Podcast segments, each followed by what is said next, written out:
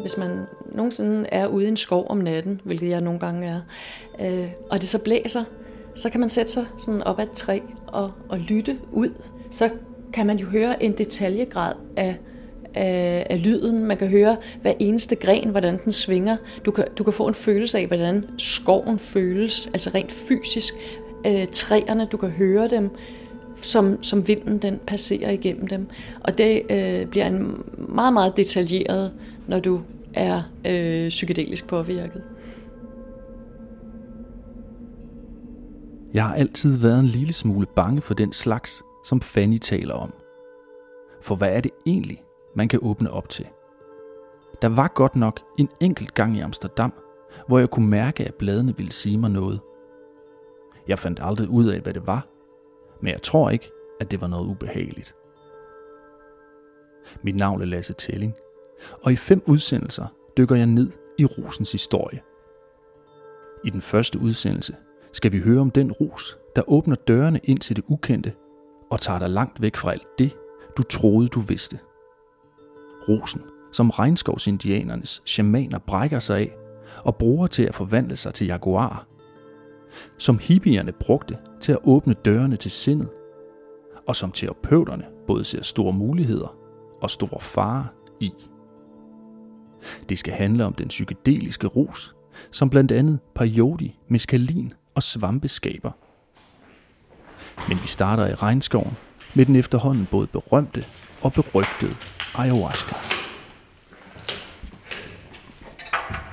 Jeg har taget ind til Nationalmuseet for at møde kvinden, der, lidt klichéfyldt, er blevet kaldt Danmarks Indiana Jones. Antropolog og arkeolog Inge Sjælrup har gennem årtier arbejdet i Sydamerika, og i den her serie er hun vores husekspert. Hun har blandt andet arbejdet mellem indianere, der i hundredvis af år har brugt rusmidlet ayahuasca. Nu har vi jo talt om shamanerne i Sydamerika, hvor mange forskellige, både aldianer og andre ting, de bruger for at komme i trance. Og der er ayahuasca jo netop en af de mest kendte i dag. Ayahuasca kommer faktisk fra en øh, lian, og så kan man simpelthen få saften ud, og så bliver den nogle gange selvfølgelig blandet med noget andet.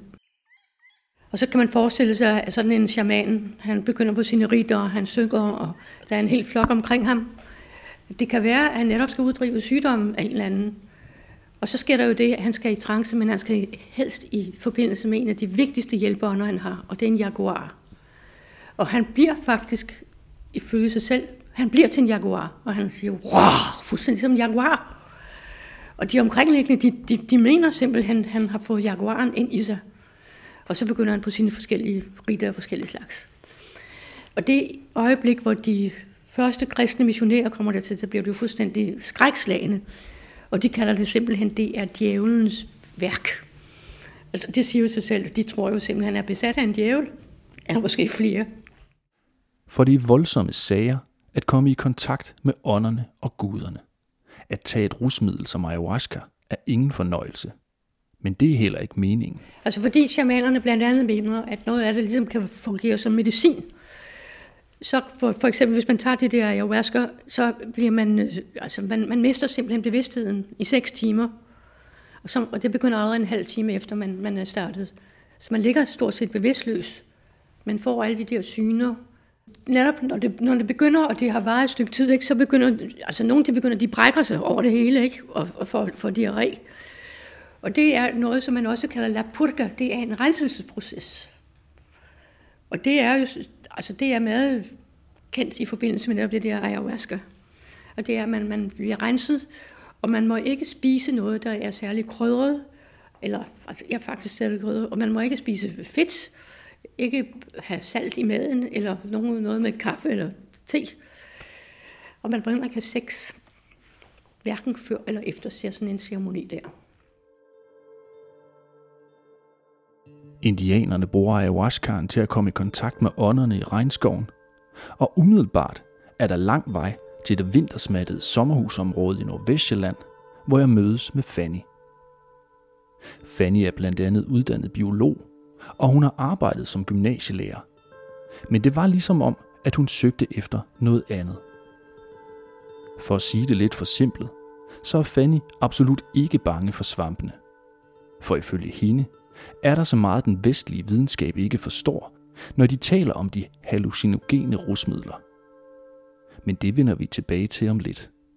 Svampen har et hemmeligt liv. Den har en, øh, den, den vil gerne gå i symbiose med os. Den låner vores nervesystem, og så øh, åbner den op for sin ånd, sådan så dens ånd kan træde ind i kroppen. Først skal vi høre lidt om de psykedeliske seancer Fanny holder, hvor deltagerne medbringer deres egne svampe. For ligesom hos indianerne, tror hun også, at rosen kan skabe kontakt til ånderne og universet. Også selvom man sidder i et lille hus på Sjællands Øje. Det jeg oplever som, som, som den her svampeånd, øh, hvad den selv får ud af det, fordi sådan er det jo med symbioser, de får altid noget, vi får gensidigt noget ud af hinanden, det er, at den, øh, den gerne vil, vil åbne op til øh, maksimal bevidsthed. Øh, vi er vi, vi går og føler os som afgrænsede væsener sådan i vores hverdag, men i virkeligheden så blæser verden jo igennem os. Øh, og på trip, så øh, bliver der altså lige åbnet op for dørene lidt mere. Og det vil sige, de her fælles stemninger for eksempel, og vi taler ikke kun om menneskestemninger, vi taler også om skovens stemning, om stemninger, der glider ud af klipper, og om universets stemning, der, der taler ned til os øh, og, og træder igennem vores øh, nervesystem. Om det er gennem elektromagnetisme eller tyngdefelter, det ved jeg ikke helt, men, men øh, øh, der er i hvert fald masser af ting, der påvirker os hele tiden. Og, og det at blive et med universet, altså det er jo, det er jo dybest set også det, buddhisterne taler om, og, og det, det er, ligesom, det er ligesom det, som jeg oplever, at svampene prøver at få en hen imod. Og så undervejs, så kan der være alt muligt psykisk fnider, som de gerne lige vil rense ud i, for at optimere din, den her værtskrop, som de har trådt ind i. Så på den måde er de jo også til gode for dig, fordi øh, hvis, du, hvis du har en, en spirituel øh, øh, ønske om at få åbnet op øh, til verden, og få nogle erkendelser ind, og øge din bevidsthed, så, øh, så kan I arbejde sammen. Det lyder lidt vildt, at Fanny ligefrem kan tale med svampene. Det kunne jeg i hvert fald ikke dengang i Amsterdam. Og så har jeg også altid været i tvivl om, om svampene nu også er nogen, man kan stole på. Hvad nu hvis de tager en et sted hen, man ikke har lyst til at være? Kan man så slippe ud igen?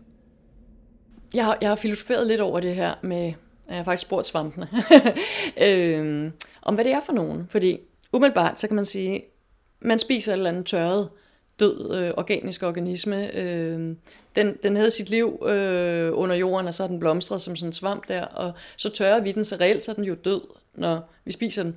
Men den har så efterladt det her stof, psilocybin, som er inde i den, og som på fantastisk vis passer ind i vores nervesystem. Og altså ikke kun, når mange de siger, at den passer ind i min hjerne, men det er ikke kun hjernen, det er faktisk de fleste receptorer for psilocybin, de sidder nede i tarmene.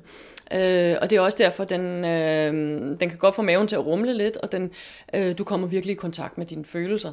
Og følelserne bliver jo ligesom, altså de sidder jo nede i maven.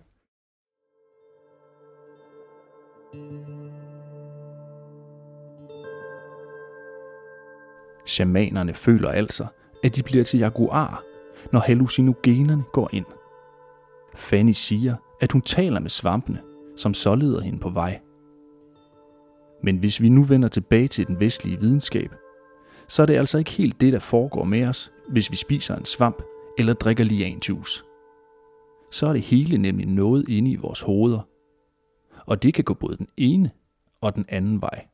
Altså, man kan sige, som, som stofgruppe øh, har de sådan set ingenting til fælles med hinanden, øh, kemisk eller øh, sådan, hvad de er lavet af, eller hvor de kommer fra. Øhm.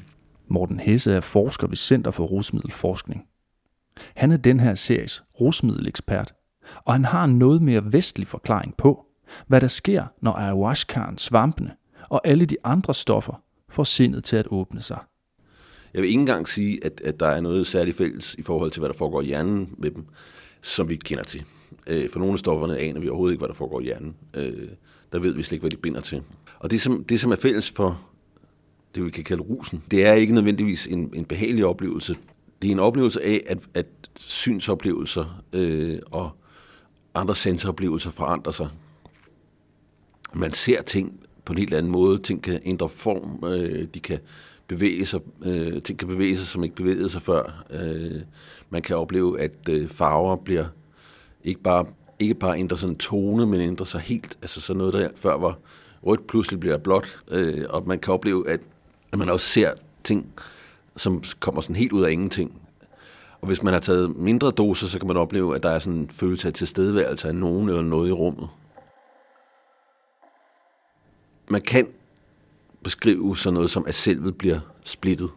At man, eller, eller selvet ophører med at eksistere, eller øh, at man føler sig et med alle mennesker, eller et med verdensaltet. Øh, de her sådan, oplevelser, som folk beskriver som religiøse og spirituelle. Og det, er, øh, det kan man også opleve, hvis man er, hvis man er for eksempel skizofren. Så der er også nogle ting, der ligner hinanden.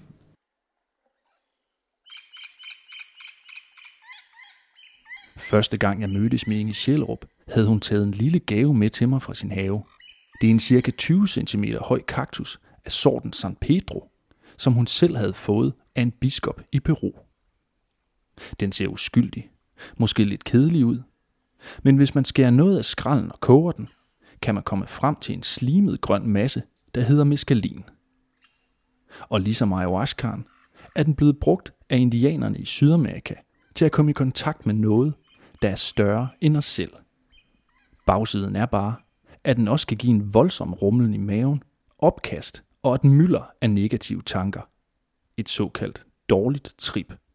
Det er den, som shamanerne bruger langs øh, Perus kyst og har brugt i, i årtusinder.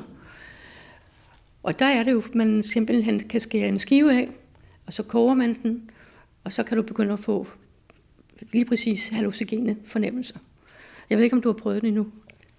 Endnu. Spændende. Jamen, den har jo også det der sjove, at den har fået et katolsk navn, San Pedro. Og det er jo netop, fordi man siger, han har jo nøglerne til himmeri. Så hvis du tager den, så er det ligesom himmerigs paradis åbner sig for det. Men det er ikke kun i Sydamerika, at rosen er blevet, og stadig bliver, brugt til at få kontakt. På samme måde som regnskovsindianerne bruger træernes lianer til at lave ayahuascaen, så bruger nordamerikanske indianere også kaktusser til at lave stoffet peyote. Altså perioden er jo meget kendt fra, øh, fra Mellemamerika og Mexico især, ikke? Og, og så Nordamerika. Og der har man jo faktisk brugt det på præcis samme måde. Og jeg tror nok, at med hensyn til perioden, der er det jo sådan så, at der er rigtig mange, der bruger det i dag. Også i Nordamerika. Og man er begyndt at lave nogle, øh, sådan nogle indfødte nordamerikanske øh, samfund. Og nogle af dem, de øh, bruger det faktisk til at lave nogle særlige kirker. Og man har også brugt det i forbindelse med de der nordamerikanske indianers øh, øh, altså spøgelsesdans, ghost dance. Men der er faktisk noget, der hedder The Native American Church, og de er blandt nogle af de anerkendte trosamfund i USA, som bruger periodet i deres forskellige ritualer.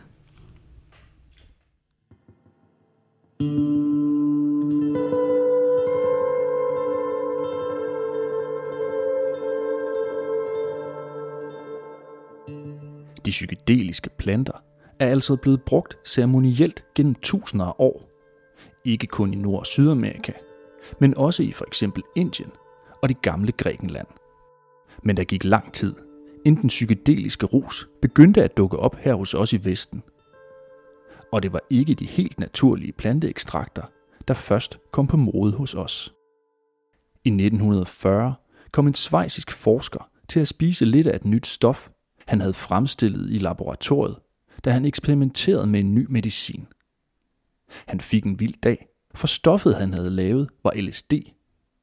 Det er rusmiddel, hvis hallucinogene evner blandt andet hippierne senere blev meget glade for, men som også er berømt for sine voldsomme effekter, der kan have dødelige konsekvenser, hvis de kommer ud af kontrol. Fanny gik tidligt i gang med at eksperimentere med de psykedeliske rusmidler, og hun har prøvet det meste. Som helt ung meldte hun sig ind i en heksekult, der drog ud i skoven for at spise LSD. Men noget af det var alligevel lidt for voldsomt. Men lad os høre Fanny forklare, hvorfor hun mener, at hun kan bruge rosen, og om hun slet ikke er bange for det dårlige, rosen kan tage med sig. Altså LSD'en, den, den havde sine ting, men personligt synes jeg, at LSD'en er lidt for, for hård og for længe, øh, hvor jeg bedre kan lide svampene. De taler mere til mig, fordi de er... Altså, jeg føler det, fordi de, de kommer fra naturen simpelthen, og, og ligesom er vejledere, og øh, jeg ser det som sådan en slags symbiotisk samarbejde, vi har. Sjælen, øh, som jeg oplever det, er den grundsubstans, som er, øh, som er inde i hver eneste individ. Øh, ja, faktisk inde i hver eneste levende organisme på jorden. Og det at finde tilbage til sin sjæl, det er at finde tilbage til sin egen indre original. Og mange mennesker har levet i overvis, hvor de slet ikke kunne mærke ind i sig selv. De har bare fulgt med. Og så på et tidspunkt bliver de jo deprimeret, fordi de kan mærke, at der er et eller andet, jeg kan ikke mærke mig selv, og så sidder de og så visner de indeni. Ikke? Når så sådan en person spiser svampe og går ned, øh, går ind i den her oplevelse, det der sker er, at, at når du tager svampene, så øh, efter sådan en, en 20 minutter starter det for nogen allerede, øh, halv time, så begynder man stille og roligt at føle, en, at man drifter over i en anden virkelighed.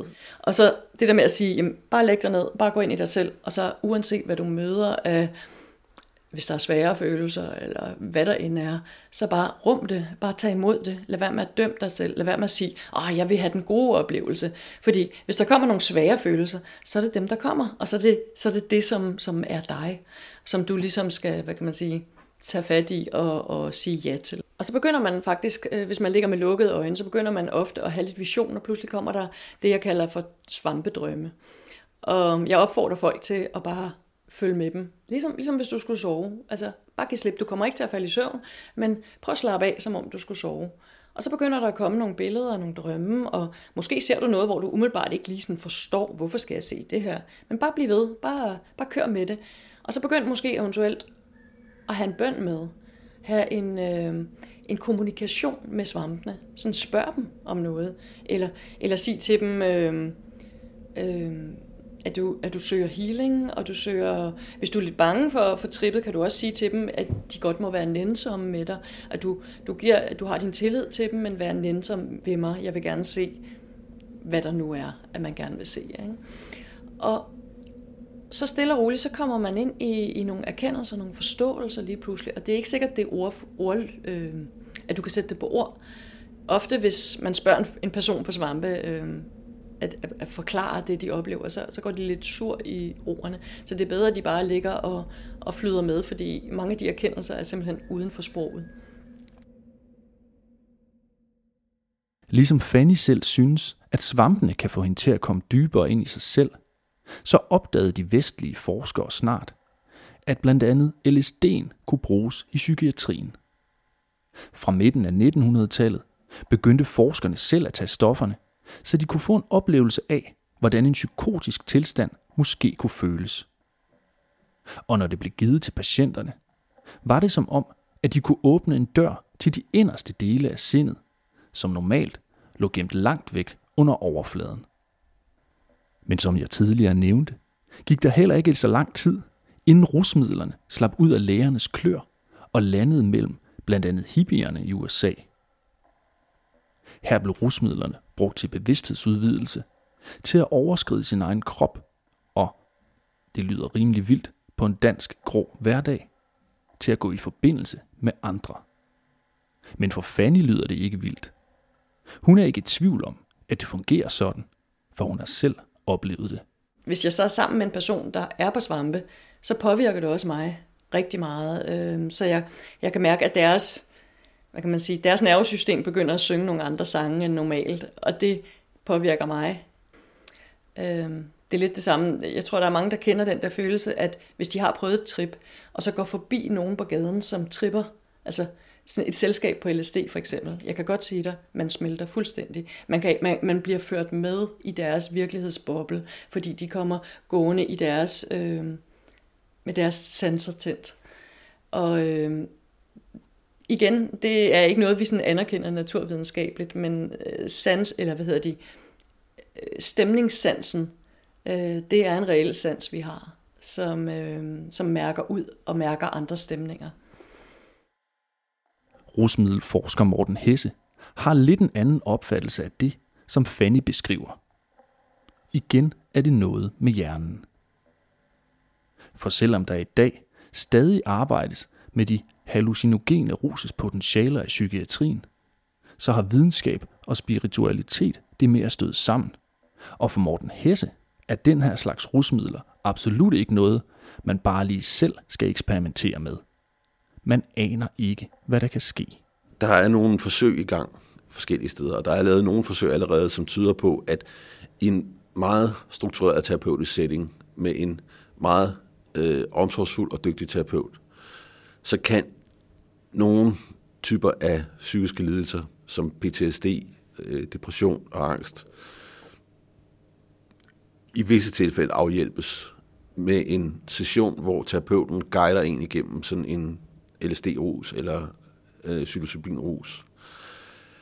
Det er langt fra at være fastslået, at sådan er det, det virker, og det kan gøres. Og det er slet ikke fastslået, at det kan lade sig gøre øh, at indtage sådan et stof øh, på egen hånd, eller med, øh, med gode venner, og så får man det bare bedre af det. Øh, så jeg vil sige, øh, det, skal ikke, det her skal ikke opfattes som et, et råd om, hvis du, hvis du føler dig angst, eller hvis du har PTSD, så skal du bare tage LSD eller psilocybinsvampe, og så vil du blive rask og sund. Øh, men, men der er måske øh, der er måske behandlinger på vej, øh, som kan blive til noget, som, hvor man bruger de her stoffer sammen med terapi. Fordi der er jo også muligheden for, at man, hvis man, især hvis man er i en situation, hvor, hvor man ikke øh, har nogen støtte og ikke har nogen omsorg omkring sig, og tager de her stoffer, så får en ubehagelig oplevelse og bliver skræmt og skal leve med øh, en følelse af kaos indeni i lang tid efter. Ja, så, så får man en ekstremt ubehagelig oplevelse i situationen, og ekstremt ubehagelige oplevelser har det med at sætte sig som angst og som utryghed ved verden bagefter. Og den angst og utryghed kan, den kan slide på en i lang tid. Men skepsis eller ej. Inden for de senere år er der også kommet fokus på de såkaldte mikrodoser af psykedeliske stoffer, hvor en meget lille, næsten ikke mærkbar mængde bliver taget. De skulle hjælpe på tankerne, kreativiteten, sindets balance og alt muligt derimellem. Mikrodoseringer er noget, som vi er nysgerrige i forhold til, hvorfor oplever folk, at det virker. Øh, men, men vi er også lidt skeptiske over for, om det overhovedet gør noget. For det er så små doser, så vi, så vi tænker, kan man overhovedet mærke det? Og hvis man ikke, ikke kan mærke det, og hvis man, så, så vil vi godt have meget stærke indikationer for, at det kan gøre noget. Og det har vi ikke set endnu. Vi tror, det nok er primært placebo. Men vi kan ikke, altså vi kan jo ikke udelukke, at det, er så, at det, at det kan noget.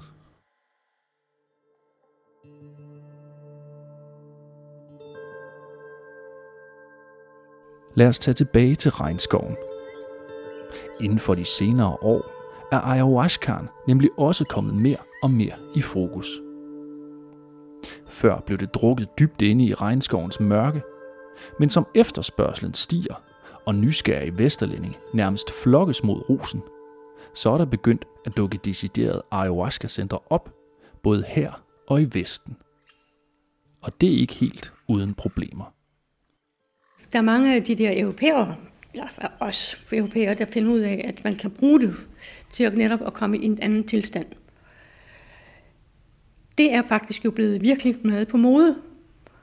Og der sker jo så det, at mange de slår sig sammen med nogle shamaner og laver centre i forskellige steder på de østlige skråninger af Andesbjergene.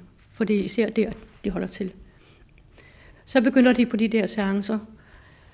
Og mange af dem, det bliver jo høje og synes, det er fantastisk. Og der er blandt andet en engelsk pige, der prøver det. Og hun siger, ja, jeg har røget, og jeg har prøvet alt muligt, men altså oplevelsen med ayahuasca, det var det mest fantastiske. Men hun gjorde det sammen med en veninde, og veninden døde. Og det er jo nemlig meget, meget problematisk, fordi det kan jo give hjerte, altså det giver jo forhøjet hjerteslag og alt muligt. Så derfor er det en meget, meget farlig ting. Simpelthen en oplevelse at gå i gang med sådan noget ayahuasca. Der var netop en fransk mand, han havde slået sig ned blandt øh, Shipibo-indianerne, som i øvrigt er meget kendt for noget meget flotte krukker og nogle meget, meget fine mønstre i deres tekstiler. Og han brugte en tid, og han var overbevist om, at nu skulle han måske også til at være shaman. Men han skulle lige have noget mere ayahuasca, og han skulle lige være høj igen. Så han kontaktede den gamle kvinde, for det er også kvinder, der kan administrere ayahuascaen, og sagde, at nu skulle han have sådan et trip igen. Så sagde han, nej, han skulle ikke have mere, han havde ligesom fået nok. Og så blev han simpelthen så vred på den gamle kvinde, at han slog hende ihjel. Jeg tror kun, det er en to år siden. Hvorpå sige, hendes mandlige slægtninge, slog ham ihjel. Problemet var jo selvfølgelig så med hensyn til det peruanske politi, der hørte om det, at for dem, der vil det jo altid være indianerne, der er de onde. Det er dem, der er skurkene. Jeg tror ikke, de slog øh, dem ihjel, men de tog i hvert fald de der mandlige slægtninge ind og, og, og fængslede dem for, for lang tid. Og det er jo lige præcis det, der er problemet. Det er, hvor vi vil prøve på at trænge ind i de andres kultur og de andres levemåde. Det kan vi ikke. Vi er ikke, vi er ikke en del af den kultur. Og det samme, når man er antropolog, så er der nogen, der tror, at de kan blive native, go native. Det mener jeg ikke, man kan. Jeg mener, man kan sætte sig ned, man laver sine interviews, og man kan virkelig prøve på at høre og prøve på at forstå. Men man bliver jo aldrig en af dem på nogen måde.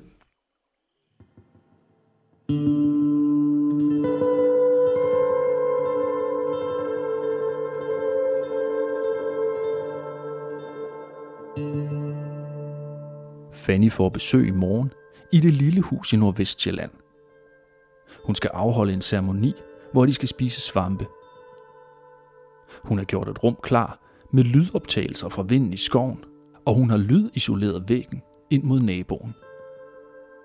Ceremonierne har det med at trække ud, og selvom Fanny er guide, ved man jo aldrig, hvordan den på trip vil reagere. Jeg sagde, sagde en gang til en, at det er ikke mig, der er psykologen, det er svampene. Jeg, jeg forbereder dig bare mødet til, øh, til, til min store søster der. Ikke? Øh, fordi øh, altså, det, det, der virkelig gør det værdifuldt, det er, at du får ikke at vide af en anden en, at det er sådan her, du skal løse dit liv. Du gør det i samarbejde med svampene, det vil sige, det er dine egne erkendelser. Og egne erkendelser virker så meget mere, end hvis du får det at vide af andre. Så så, så det er jo det, er det der, altså, det, det er helt inde i grundsubstansen på dig selv, at udviklingen sker. I næste udsendelse om rusmidlernes historie skal vi høre om de grønne blade, som holdt indkærende vågne i bjergene, om studerende, der læser hele natten på Ritalin, om nazisternes amfetamin og om de andre rusmidler, der er blevet brugt til at kunne blive ved og ved. Rustur er produceret af mig, Lasse Telling, for Loud Vores Tid, Nationalmuseets digitale medie. Du kan finde udsendelserne på vorstid.dk, loud.land eller der, hvor du plejer at lytte til dine podcasts.